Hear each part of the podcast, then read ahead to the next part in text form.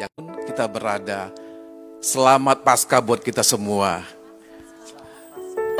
Pagi hari ini sebelum kita mulai ibadah ini saya undang kita semua yang ada tempat ini bangkit berdiri. Begitu juga kita yang ada di rumah kita mau berdoa buat Tuhan. Mari kita sama-sama berdoa. Hati kami limpah dengan ucapan syukur kepadamu ya Tuhan. Terima kasih engkau menjadikan kami baru. Terima kasih buat kebangkitanmu ya Tuhan. Kami tidak sama lagi sekarang ini. Engkau luar biasa dan dahsyat bagi kami. Kami bersyukur untuk semua berkat terbaik dari Tuhan. Kami bersyukur buat karya terbaik dari Tuhan Yesus. Terima kasih Bapak. Kami berdoa Tuhan berkati ibadah ini dari awal, pertengahan hingga akhirnya Tuhan Yesus. Kami percaya ibadah pasca ini bukan sekedar ibadah biasa saja. Kami percaya pagi ini adalah pagi berkat. Pagi ini adalah pagi mujizat bagi kami. Pagi ini pagi lawatan Tuhan bagi kami. Pagi ini bahwa kami akan berjumpa dengan Tuhan melalui roh dan firman Allah. Terima kasih Bapak berkati hambamu. Gembala pembina kami Bapak Pendeta Daniel Edi Prayitno yang akan menjadi saluran berkat firman Tuhan bagi kami. Berkati kami semua yang akan membawa persembahan terbaik bagimu pagi ini. Terima kasih Bapak. Kami percaya apabila setiap kami berjumpa dengan Tuhan, maka kami tidak akan dikecewakan. Kami akan mulai ibadah ini di dalam nama Tuhan Yesus. Tuhan dan Juru Selamat kami. Kita yang diberkati sama-sama kita katakan, Amin. Berikan tepuk tangan. Haleluya, mari berikan tepuk tangan sekali lagi kita sambut Tuhan yang hadir di tengah-tengah kita. Haleluya. Biar pada pagi hari ini Bapak Ibu kita merayakan kebangkitan Tuhan. Amin. Berapa banyak yang percaya bahwasanya kebangkitannya membawa mukjizat bagi kita. Mari katakan amin. Mari bersama-sama bertepuk tangan di hadapan Tuhan.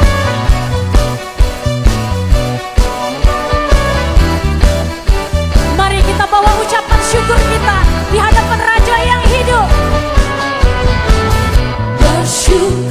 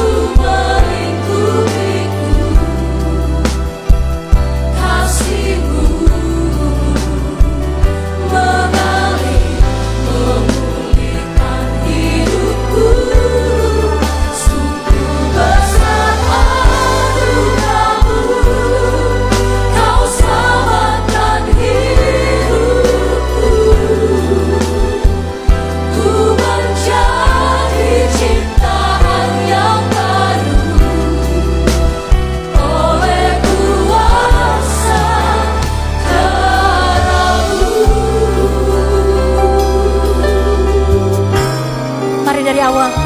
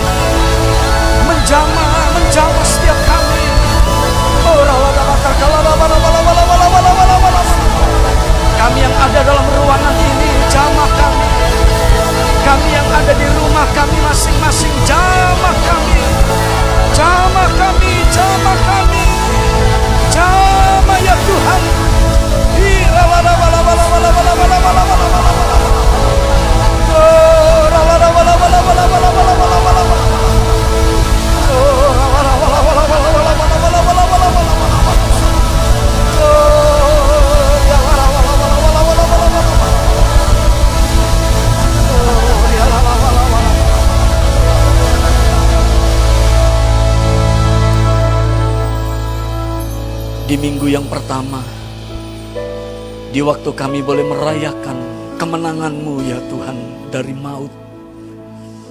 Kami datang dengan membawa persembahan yaitu hidup kami.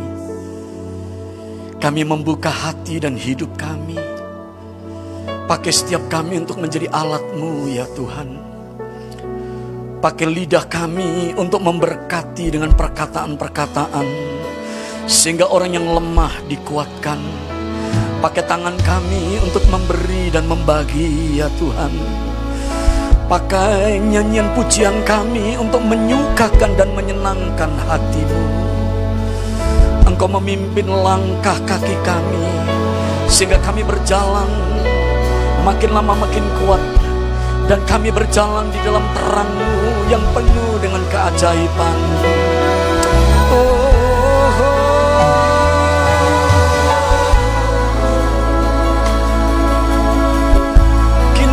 mama.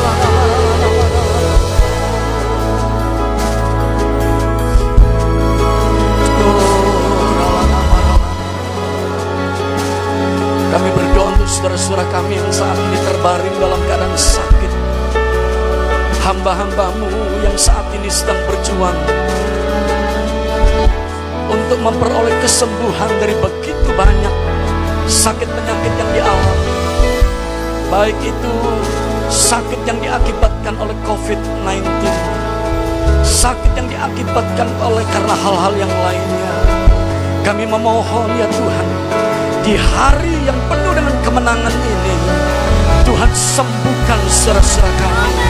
Tuhan pulihkan saudara-saudara kami. Oh, rawa, rawa, rawa, rawa. Bahkan kami berdoa untuk saudara-saudara kami yang mengalami pergumulan demi pergumulan dalam masalah ekonomi. Karena karya kebangkitanmu dari kematian memberikan terobosan demi terobosan yang baru bagi saudara-saudara kami. Sehingga masa depan sungguh ada bagi setiap orang yang percaya dan bagi setiap orang yang mengasihimu. Terima kasih Tuhan, terima kasih. Izinkan sepanjang bulan ini kami menikmati mujizat demi mujizat. Apa yang tidak mungkin bagi kami, bersama-sama dengan Tuhan jadikan segala sesuatunya itu mungkin. Sehingga apa yang belum pernah kami lihat dengan mata kami, apa yang belum pernah kami dengar dengan telinga kami, sesuatu yang belum pernah kami pikirkan, belum ada dalam hati kami, yang baik, yang indah, yang mulia, turun dan memberkati setiap kehidupan kami. Berkati umatmu yang ada di tempat ini ya Tuhan. Berkati Dan kiranya damai sejahteramu mengalir dengan berlimpah-limpah memenuhi setiap kehidupan dari para umatmu. Baik yang beribadah dalam ruangan ini maupun yang beribadah dengan cara live streaming. Berkati sekali lagi hamba-hambamu. Tuntun kami. Tuntun kami dengan firman-Mu. Karena firman-Mu adalah pelita bagi kami. Firman-Mu menerangi perjalanan kehidupan kami. Dan jadikan setiap kami kuat ya Tuhan. Terima kasih. Terima kasih Tuhan, terima kasih. Ini doa kami. Segala hormat pujian, kemuliaan hanya bagimu. Di dalam nama Tuhan Yesus. Mari bersama-sama kita katakan Amin. Bisakah kita memberikan tepuk tangan sebagai rasa hormat kita kepada Tuhan yang lebih panjang dan lebih luar biasa lagi? Mari berikan tepuk tangan.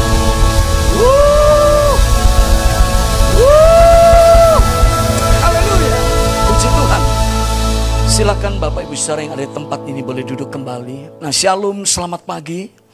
Selamat merayakan Paskah dan kiranya berkat Paskah sejak daripada hari Jumat yang lalu hingga kemudian hari ini bahkan sampai dengan bulan ini sampai di perjalanan tahun sepanjang tahun ini kiranya berkat pasca berkat karya kematian dan kebangkitan Kristus itu menyertai seluruh perjalanan kehidupan kita.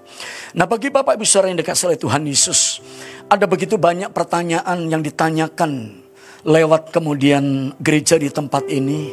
Apakah gereja sudah buka dan kami kemudian boleh untuk datang ibadah secara onsite. Maka saya ingin mengumumkan hari ini bahwa ibadah di tempat ini ini dibuka untuk umum dan ibadahnya itu onsite.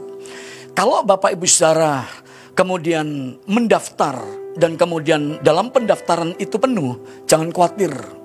Datang saja dan kemudian nanti para hamba-hamba Tuhan akan mengatur dan kemudian menyediakan kursi dan semuanya tetap dalam protokoler kesehatan.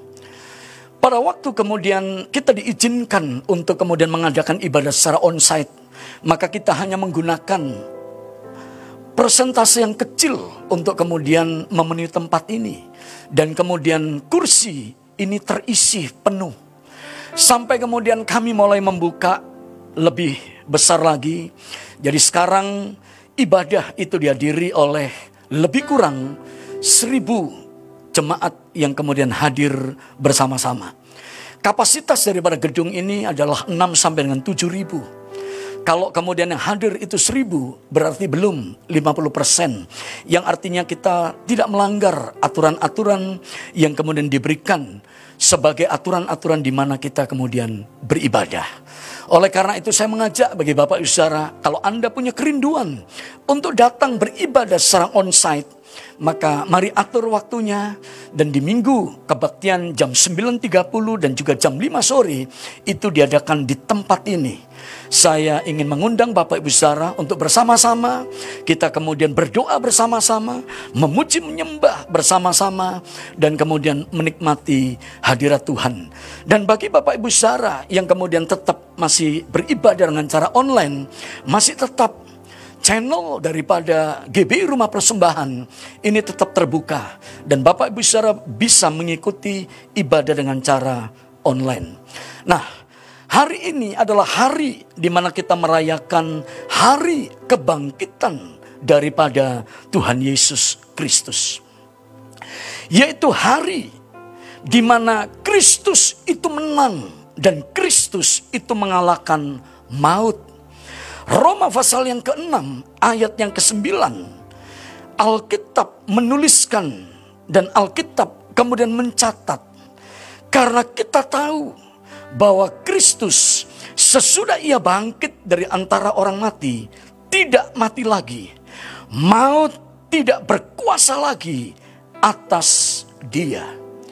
Kebangkitan Kristus dari antara orang mati adalah salah satu pokok terpenting dari sekian pokok-pokok pengajaran kekristenan. Kebangkitan Kristus dari antara kematian menjadi sesuatu yang sangat penting di dalam kekristenan. Tanpa kebangkitan Kristus dari kematian, maka yang pertama, pelayanan kita, pekabaran Injil, perkataan-perkataan yang indah, yang baik, yang membawa orang kepada keselamatan, semuanya itu menjadi sebuah kesia-siaan. Kebangkitan Kristus memberikan makna serta arti dari seluruh pokok pengajaran-pengajaran yang lain. Mengapa kita perlu bertobat? Mengapa kita perlu kemudian berdoa, memuji, menyembah akan Tuhan?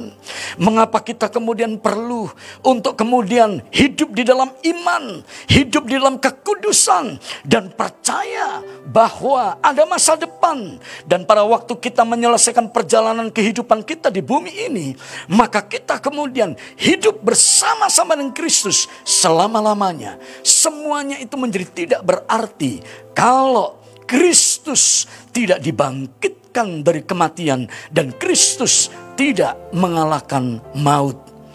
Tetapi apa yang terjadi? Kalau kita melihat sejarah dan kita kemudian mempercayai apa yang dikatakan oleh Alkitab, maka Kristus mengalahkan maut. Ia mati, tetapi pada hari yang ketiga ia bangkit dan kebangkitannya memberikan pengharapan yang besar kepada kehidupan kita. Katakan amin. Mari kita berikan tepuk tangan. Berikan tepuk tangan yang lebih luar biasa lagi. Haleluya. Haleluya. Nah, kebangkitan ini berasal dari kata dasar bangkit yang berarti itu bangun untuk hidup kembali. Kata yang dipakai dalam perjanjian baru mengenai kebangkitan ini diambil dari kata anastasia.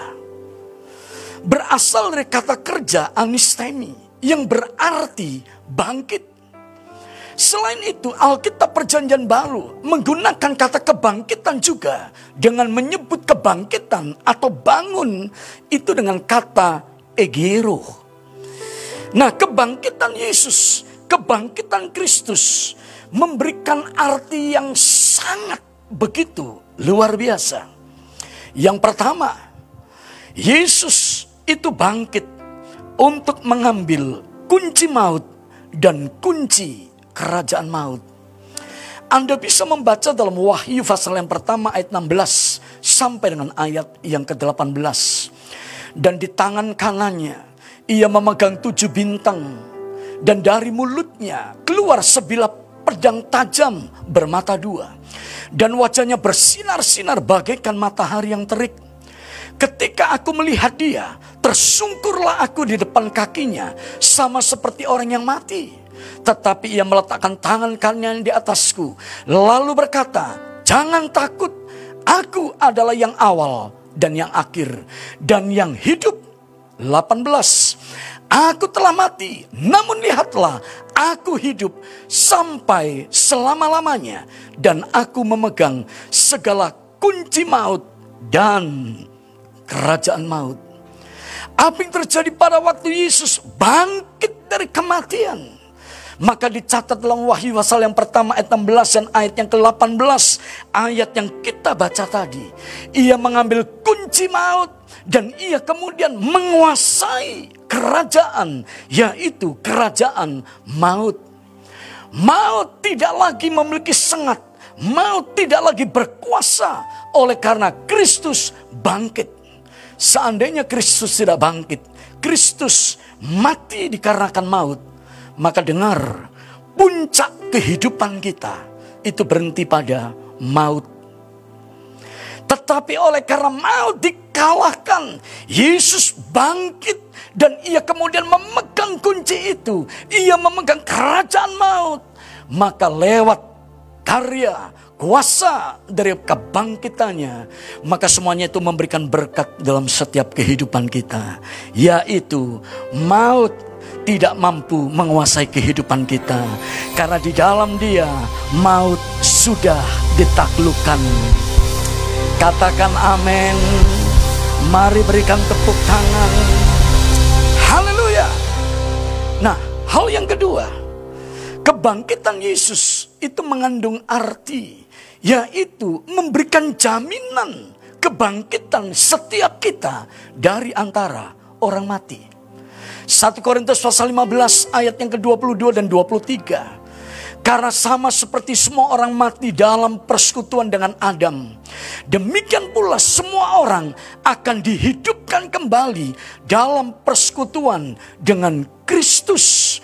Yang pertama-tama menurut urutannya, Kristus sebagai buah sulung. Sesudah itu mereka yang menjadi miliknya pada waktu kedatangannya. Saya percaya kalau saya tanya hari ini, berapa banyak kita dalam milik daripada Kristus? Anda akan mengangkat tangan dan Anda akan melambaikan tangan. Berapa banyak Anda adalah milik daripada Kristus? Maka perhatikan, Yesus menjamin kebangkitan kita dari antara orang mati. Kalau toh kita harus melewati kehidupan sebelum Tuhan datang dan kita mati di dunia ini, kita tidak akan mati untuk selama-lamanya. Karena pada waktu Tuhan Yesus datang untuk yang kedua kalinya, Ia akan menjemput kita dan kita akan tinggal bersama-sama dengan Tuhan selama-lamanya dan kita akan menikmati kemuliaan Bapa yang ada di surga. Haleluya. Yang ketiga, kebangkitan Yesus ini mengandung arti melahirkan kita kembali. 1 Petrus pasal yang pertama ayat 3 sampai dengan ayat yang keempat. Terpujilah Allah dan Bapa Tuhan kita Yesus Kristus. Yang karena rahmat yang besar telah melahirkan kita kembali oleh kebangkitan Yesus Kristus dari antara orang mati kepada suatu hidup yang penuh pengharapan untuk menerima suatu bagian yang tidak dapat binasa, yang tidak dapat cemar, dan yang tidak dapat layu, yang tersimpan di surga bagi kamu. Pada waktu Yesus mengalahkan maut, dia bangkit dari kematian. Maka sesungguhnya kita itu dilahirkan kembali. Baptisan air memberikan pengertian pada waktu kita kemudian masuk dalam baptisan air, maka kita mati bersama-sama dengan Kristus, dan pada waktu kita keluar dari baptisan air itu, kita bangkit bersama-sama dengan Kristus, dan kita menjadi manusia yang baru. Kita menjadi ciptaan yang baru. Kebangkitan Kristus memberikan berkat begitu besar untuk kita pokok-pokok kekristenan yang sangat penting ditentukan kuasa yang dimiliki oleh Kristus. Kalau Kristus tidak bangkit, maka sia-sialah semuanya. Tapi pada waktu Kristus bangkit, apa yang kita lakukan, apa yang kita kerjakan, ketekunan yang kita kemudian perbuat, kesabaran yang kita perbuat, semuanya memberikan berkat atas setiap kehidupan kita. Mari kita berikan tepuk tangan untuk kuasa kebangkitan daripada Kristus. Oleh karena itu Rasul Paulus dalam Filipi 3 ayat yang ke-10 dia kemudian menuliskan dengan perkataan yang ku kehendaki ialah mengenal dia dan kuasa kebangkitannya dan persekutuan dalam penderitaannya di mana aku menjadi serupa dengan dia dalam kematiannya. Kuasa kebangkitan seperti apakah yang mampu membangkitkan Kristus dari kemudian kematian? Efesus pasal yang pertama ayat 19 sampai dengan ayat yang ke-20. Dan betapa hebat kuasanya bagi kita yang percaya sesuai dengan kekuatan kuasanya yang dikerjakannya di dalam Kristus dengan membangkitkan dia dari antara orang mati dan mendudukkan dia di sebelah kanannya di surga jauh lebih tinggi dari segala pemerintah dan penguasa dan kekuasaan dan kerajaan dan tiap-tiap nama yang dapat disebut bukan hanya di dunia ini saja melainkan juga di dunia yang akan datang. Kuasa inilah yang mampu membangkitkan Kristus. Kuasa Bapa yang membangkitkan Kristus dari kematian. Kuasa seperti apa? Yang kedua dicatat. Kuasa yang digunakan Bapa untuk kemudian mengalahkan maut. Kuasa kebangkitan seperti apa yang kemudian diberikan oleh Bapa. Kuasa untuk mendudukkan Yesus itu di sebelah kanannya. Kuasa seperti apa yang keempat yang kemudian dilakukan oleh Bapa? Kuasa untuk menaklukkan semua pemerintah, penguasa dan kekuasaan dan kerajaan dan tiap-tiap nama yang kemudian bisa disebut dan yang kelima, kita bisa menemukan kuasa yang digunakan untuk membangkitkan Kristus adalah kuasa juga yang meletakkan semua pemerintah, penguasa, kekuasaan, kerajaan, dan seluruh nama-nama, tiap-tiap nama tunduk sujud hanya kepada satu nama, yaitu nama daripada Tuhan kita, Yesus Kristus. Yang mengerti dan setuju, katakan amin. Mari berikan tepuk tangan. Berikan tepuk tangan. Kau telah di mahkotai kemenangan. Kau menang atas dosa dan Namamu ditinggikan atas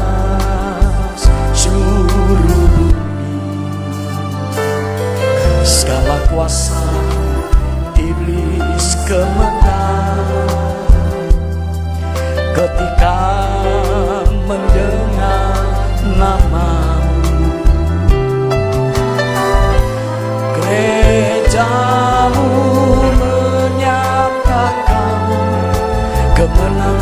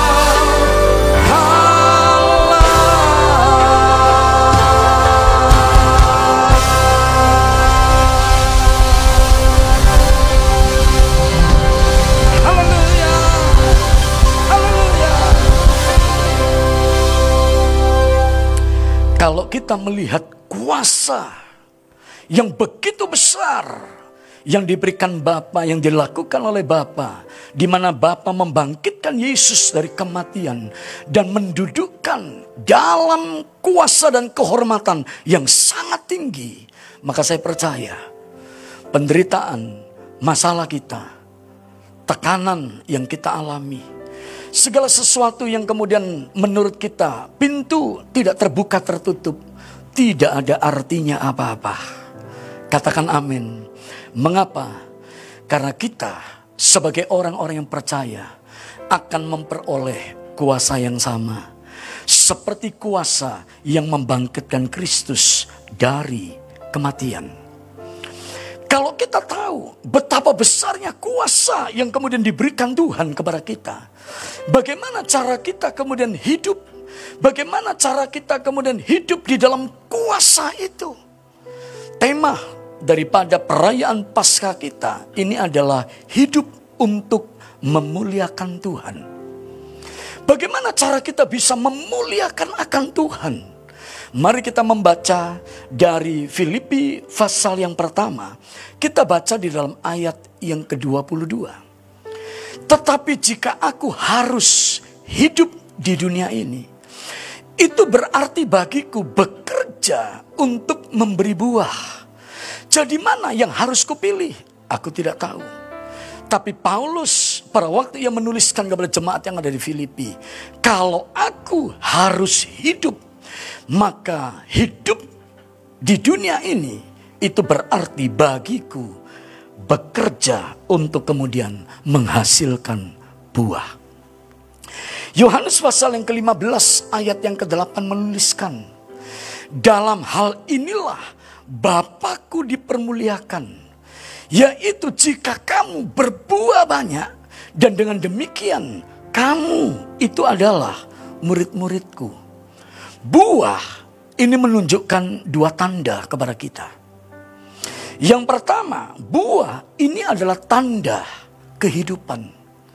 Sebuah pohon, kalau ia mati, maka ia tidak akan menghasilkan buah apa-apa.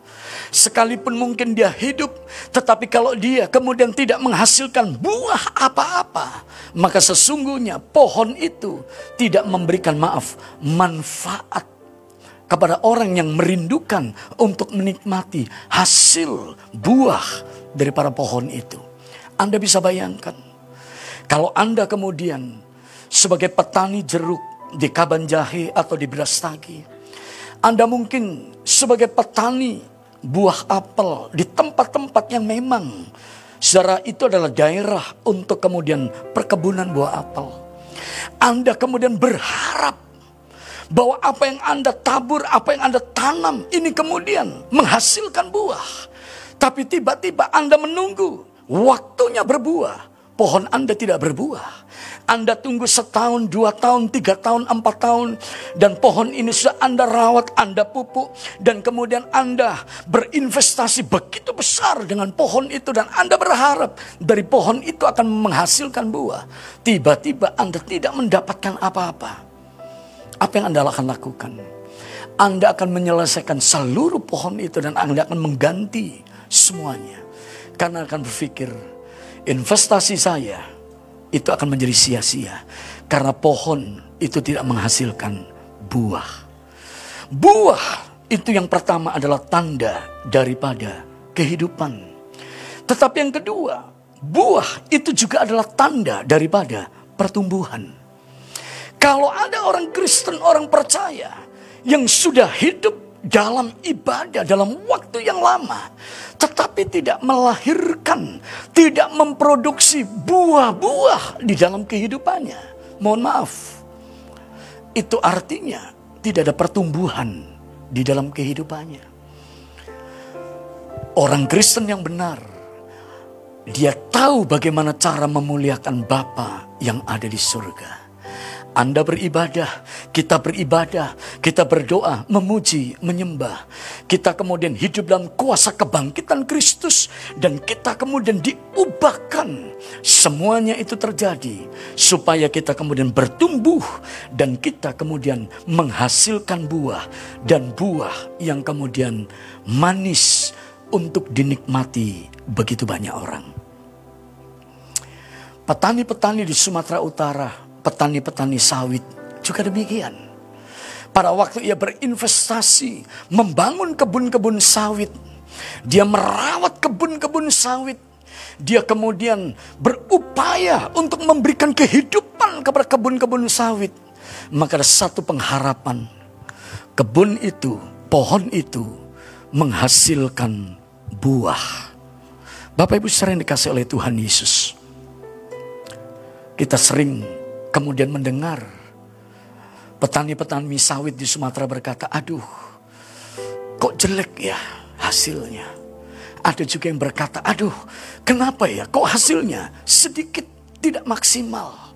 Ada yang berkata, kenapa ya kok hasilnya, buahnya itu tidak seperti yang diharapkan. Dan mereka kemudian belajar. Dan pada waktu mereka kemudian mengubah cara mereka kemudian melayani pohon sawit itu, Maka tiba-tiba total pohon itu menghasilkan buah. Dan waktu berbuah, oh, saudara, pemilik kebun akan berkata, aku bersyukur dengan semua kebun yang ada. Bagi Bapak Ibu Sarah, para pengusaha sawit, Anda perlu merawat pohon-pohon yang ada. Tetapi jangan lupa Anda perlu berdoa untuk pohon-pohon yang ada. Supaya setiap pohon yang ada ini kemudian menghasilkan sesuatu dan memberikan berkat dan karyanya dalam kehidupan kita. Tuhan juga demikian. Namanya akan dimuliakan. Namanya akan disanjung tinggi pada waktu Yesus itu melihat dan menemukan setiap kehidupan kita, kehidupan yang dipenuhi dengan buah. Hari ini berapa banyak kita rindu hidup kita menghasilkan buah-buah yang bisa dinikmati oleh Tuhan. Lambaikan tangan saudara. Oh puji Tuhan. Yesus, Yesus, kau berarti bagiku.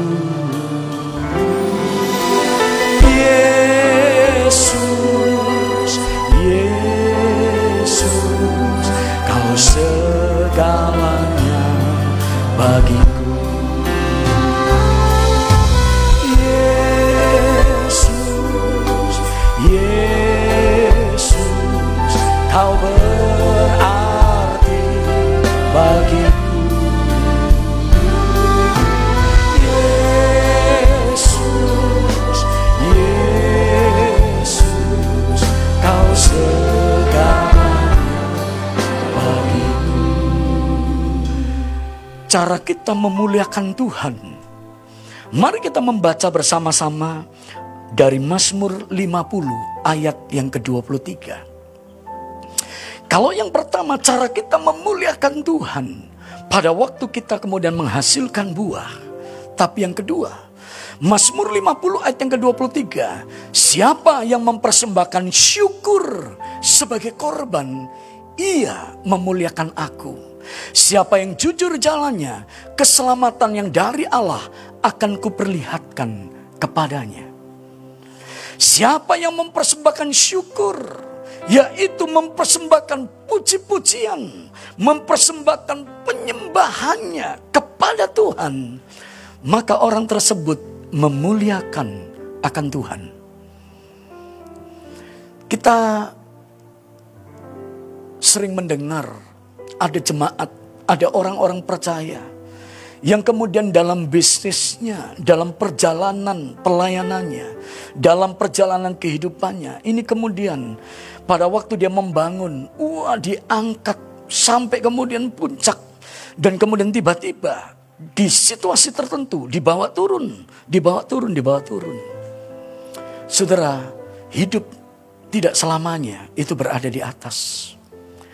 Ada kalanya pada waktu kita kemudian dibawa naik ke atas, kita merasa semuanya itu menyenangkan dan semuanya itu indah. Tetapi pada waktu dibawa turun, apakah kita juga tetap melihat keindahan di tengah-tengah krisis, keindahan di tengah-tengah tekanan, keindahan di tengah-tengah penderitaan? Ada orang yang bisa melahirkan lagu-lagu baru. Pada waktu ia berada dalam puncak berkat yang sangat luar biasa. Tetapi tidak sedikit. Lagu-lagu yang begitu indah, lagu-lagu yang begitu memberkati, bukan lahir dari orang yang berada dalam keadaan yang puncak, tetapi lahir dari keadaan orang yang sangat sulit lahir dari keadaan di mana dia hidup dalam keadaan yang sangat tidak menyenangkan. Dan waktu dia berada dalam keadaan itu, dia tetap bisa bersyukur. Nyanyian baru, lagu baru, puji-pujian yang baru, ini kemudian lahir. Dan Tuhan berkata, siapa yang mempersembahkan syukur sebagai korban, entah dia dalam keadaan baik, entah dia dalam keadaan berkata, pergumulan, maka ia memuliakan Bapa yang ada di surga. Oleh karena itu, dalam keadaan apa pun juga, biarlah kita tetap menyanyikan nyanyian syukur kita kepada Tuhan. Yang mau katakan amin. Yesus, Yesus, kau berarti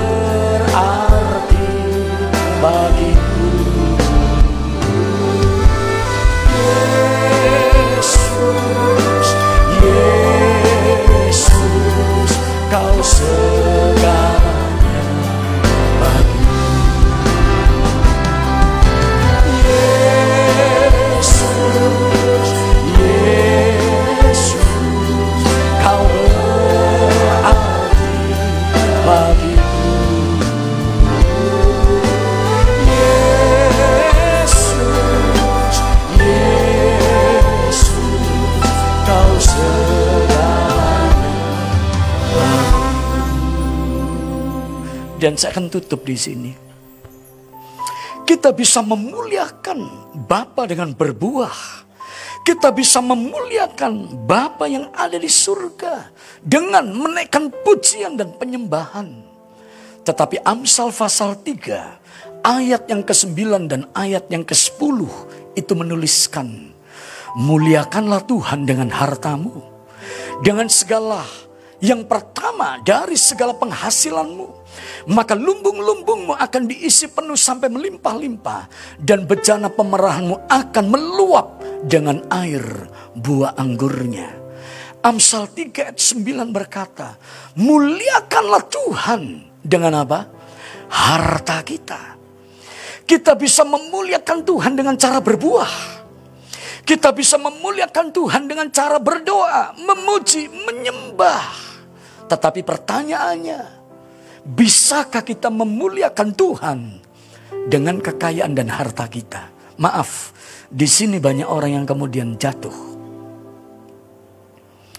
Mereka berkata, kalau hal rohani, saya mau untuk kemudian ikut. Tapi kalau urusan urusan harta, wah, langsung mundur, saudara. Gak berani. Kata muliakanlah, itu artinya adalah hormat, honor. Waktu kita kemudian dengan apa yang ada pada kita. Waktu kita dengan harta kita juga. Kita kemudian tidak pelit. Kita mau memuliakan Allah kita. Kita mau memuliakan Tuhan kita. Maka kita ini akan menyenangkan hati daripada Tuhan. Bagaimana cara kita memuliakan Tuhan dengan harta kita? Maaf, Anda tidak hanya membawa persembahan dalam gereja. Tetapi Anda perlu membaca Matius 25 ayat 34 sampai dengan ayat yang ke-36. Dan raja itu akan berkata kepada mereka yang di sebelah kanannya, Mari hai kamu yang diberkati oleh Bapakku, terimalah kerajaan yang telah disediakan bagimu sejak dunia dijadikan. Sebab ketika aku lapar, kamu memberi aku makan. Ketika aku haus, kamu memberi aku minum. Ketika aku seorang asing, kamu memberi aku tumpangan. Ketika aku telanjang, kamu memberi aku pakaian. Ketika aku sakit, kamu melawat aku. Dan ketika aku dalam penjara, kamu dikatakan apa? Mengunjungi aku. Saudara mungkin kita tidak bisa datang dengan fisik kita kepada seluruh tujuan yang dicatat dalam Matius 24 ayat 34 sampai dengan ayat yang ke-36. Tetapi dengar, harta kita, kekayaan kita, apa yang ada pada kita bisa kemudian memberkati begitu banyak orang.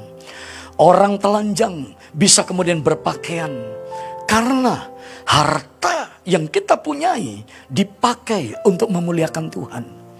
Orang yang lapar kemudian dikenyangkan. Orang yang haus dilegakan, dipuaskan. Dengan kemudian harta yang ada pada kita. Yang kita pakai untuk memuliakan Bapa.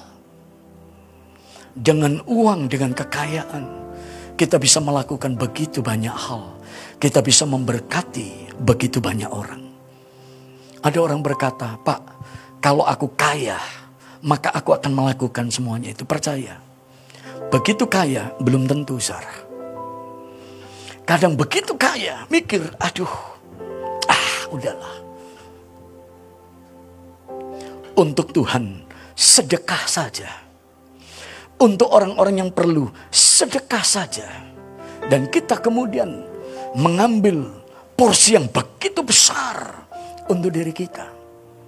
Matius 24, eh, maaf Matius 25 ayat 34 36 itu adalah khotbah daripada Tuhan Yesus tentang akhir zaman.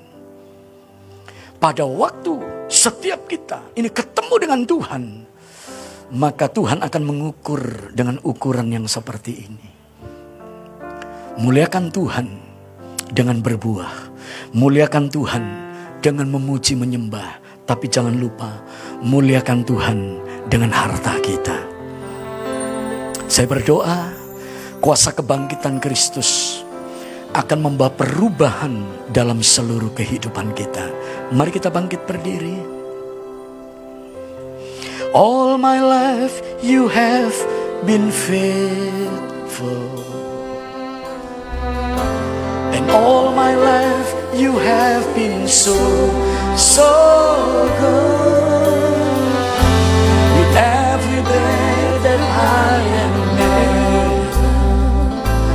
I will see all the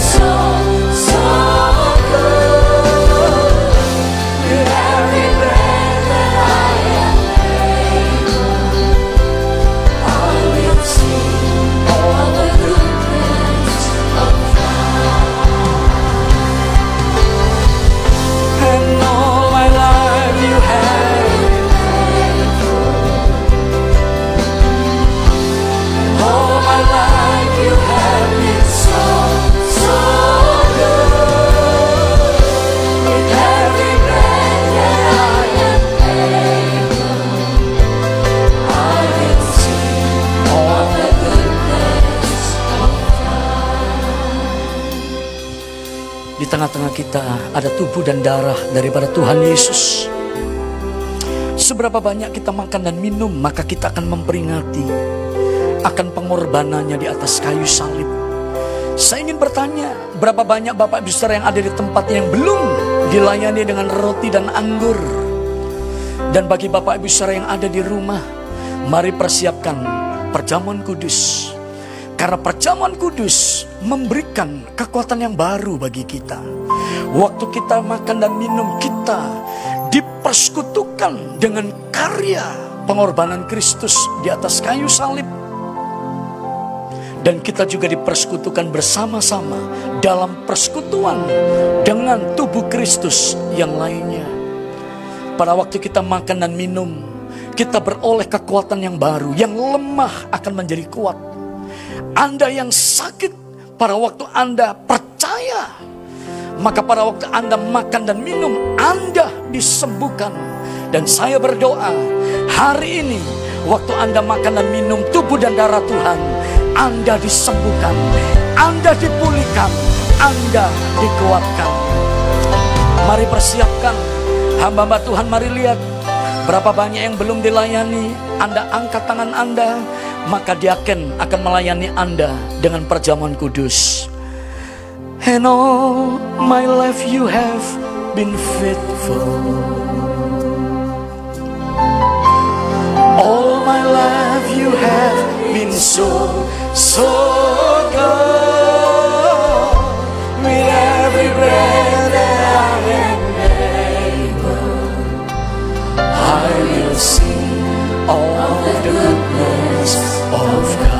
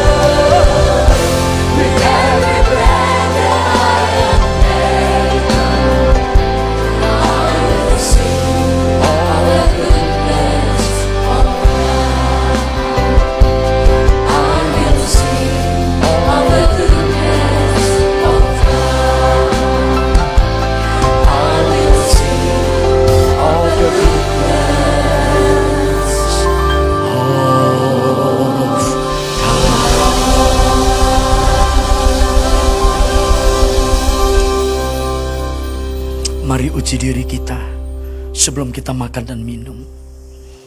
Dan kita akan makan dan minum dengan cara yang benar. Sebab apa yang telah kuteruskan kepadamu telah aku terima dari Tuhan. Bahwa Tuhan Yesus pada malam waktu ia diserahkan, ia mengambil roti. Sesudah itu ia mengucap syukur atasnya. Ia memecah-mecahkannya dan berkata, Inilah tubuhku yang diserahkan bagi kamu. Perbuatlah ini menjadi peringatan akan aku. Angkat roti di tangan kanan kita tinggi. Bapak Ibu saudara yang dikasih oleh Tuhan Yesus. Bukankah roti yang atasnya kita mengucap syukur adalah persekutuan kita di dalam tubuh Kristus? Makanlah dalam nama Tuhan Yesus.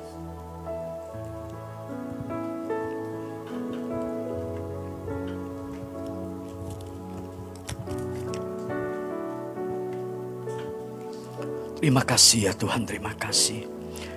Angkat cawan di tangan kanan kita tinggi. Demikian juga ia mengambil cawan sesudah makan. Lalu Yesus berkata, cawan ini adalah perjanjian baru yang dimeteraikan oleh darahku. Perbuatlah ini setiap kali kamu meminumnya menjadi peringatan akan aku. Bapak Ibu sering dikasih oleh Tuhan Yesus. Bukankah cawan yang atasnya kita mengucap syukur adalah persekutuan kita di dalam darah Kristus. Minumlah dalam nama Tuhan Yesus.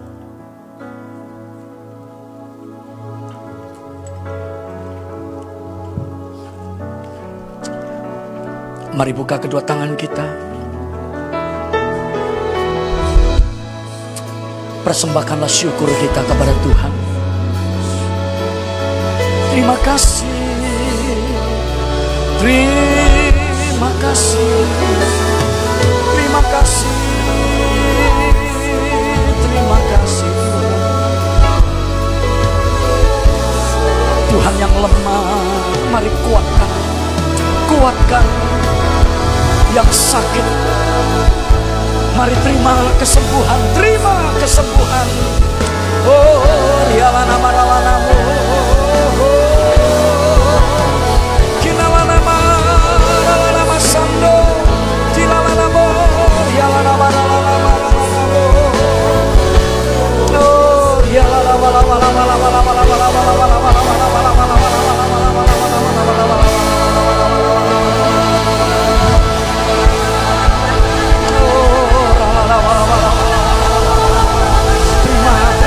kuasa kebangkitannya. Terima kuasa kebangkitannya.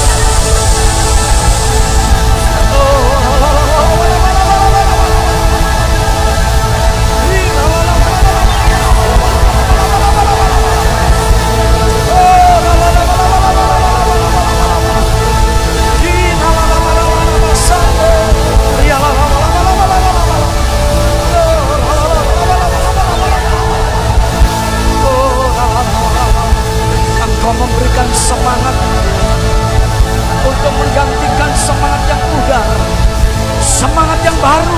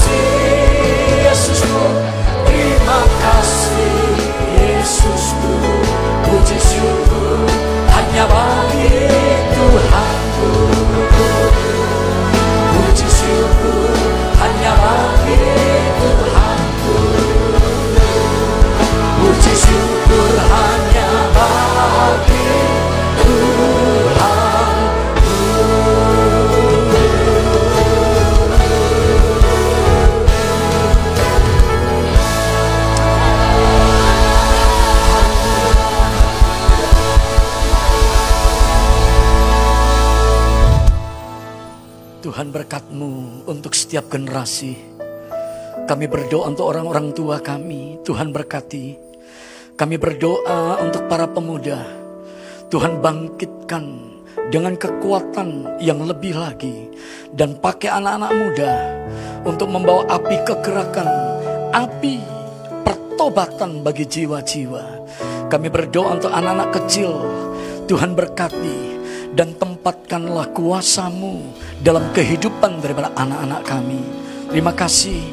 Kami bersyukur untuk perjalanan yang indah bersama-sama dengan Tuhan. Sekalipun di tengah-tengah keadaan yang sangat menakutkan dan mengkhawatirkan, kami melihat pengharapan di dalam Tuhan tidak pernah mengecewakan. Tuhan memberikan yang terbaik bagi kami. Kami berdoa untuk adik-adik kami yang mempersiapkan diri untuk berangkat sekolah di luar negeri. Tuhan berkati perjalanan daripada anak-anak kami, adik-adik kami. Tuhan berkati perjalanan daripada anak-anak muda. Dan kiranya Tuhan melengkapi dengan hikmat, Tuhan melengkapi dengan pengetahuan. Dan jadikan anak-anakmu berhasil ya Tuhan. Terima kasih, terima kasih Tuhan, terima kasih. Terima kasih. Kalau sebentar kami mengakhiri pertemuan daripada ibadah kami. Meteraikan semuanya dengan berkatmu. Mari buka sekali lagi kedua tangan kita. Bapak Ibu saudara yang dikasih oleh Tuhan Yesus. Kiranya berkat-berkat damai sejahtera daripada Allah Bapa turun dalam kehidupan Bapak Ibu saudara. Berkat di dalam nama Bapa, Anak dan Roh Kudus akan menyertai perjalanan kehidupan Bapak Ibu saudara dari saat ini sampai selama-lamanya. Yang percaya dan diberkati bersama-sama kita katakan amin. Selamat menikmati kuasa kebangkitan Kristus dan selamat berbuah, selamat memuliakan Allah Bapa. Tuhan memberkati. Bagi Bapak Ibu yang ingin memberikan persembahan, dapat memberikan persembahan ke dalam kotak persembahan yang telah tersedia di ruang ibadah. Dan bagi Bapak Ibu yang ingin mengetahui kegiatan gereja dalam sepekan, dapat mengakses informasi di seluruh akun sosial media gereja, keluarga besar GBI Medan Plaza. Sekali lagi, selamat hari Minggu Bapak Ibu, selamat bersuka cita, Tuhan Yesus memberkati, Shalom.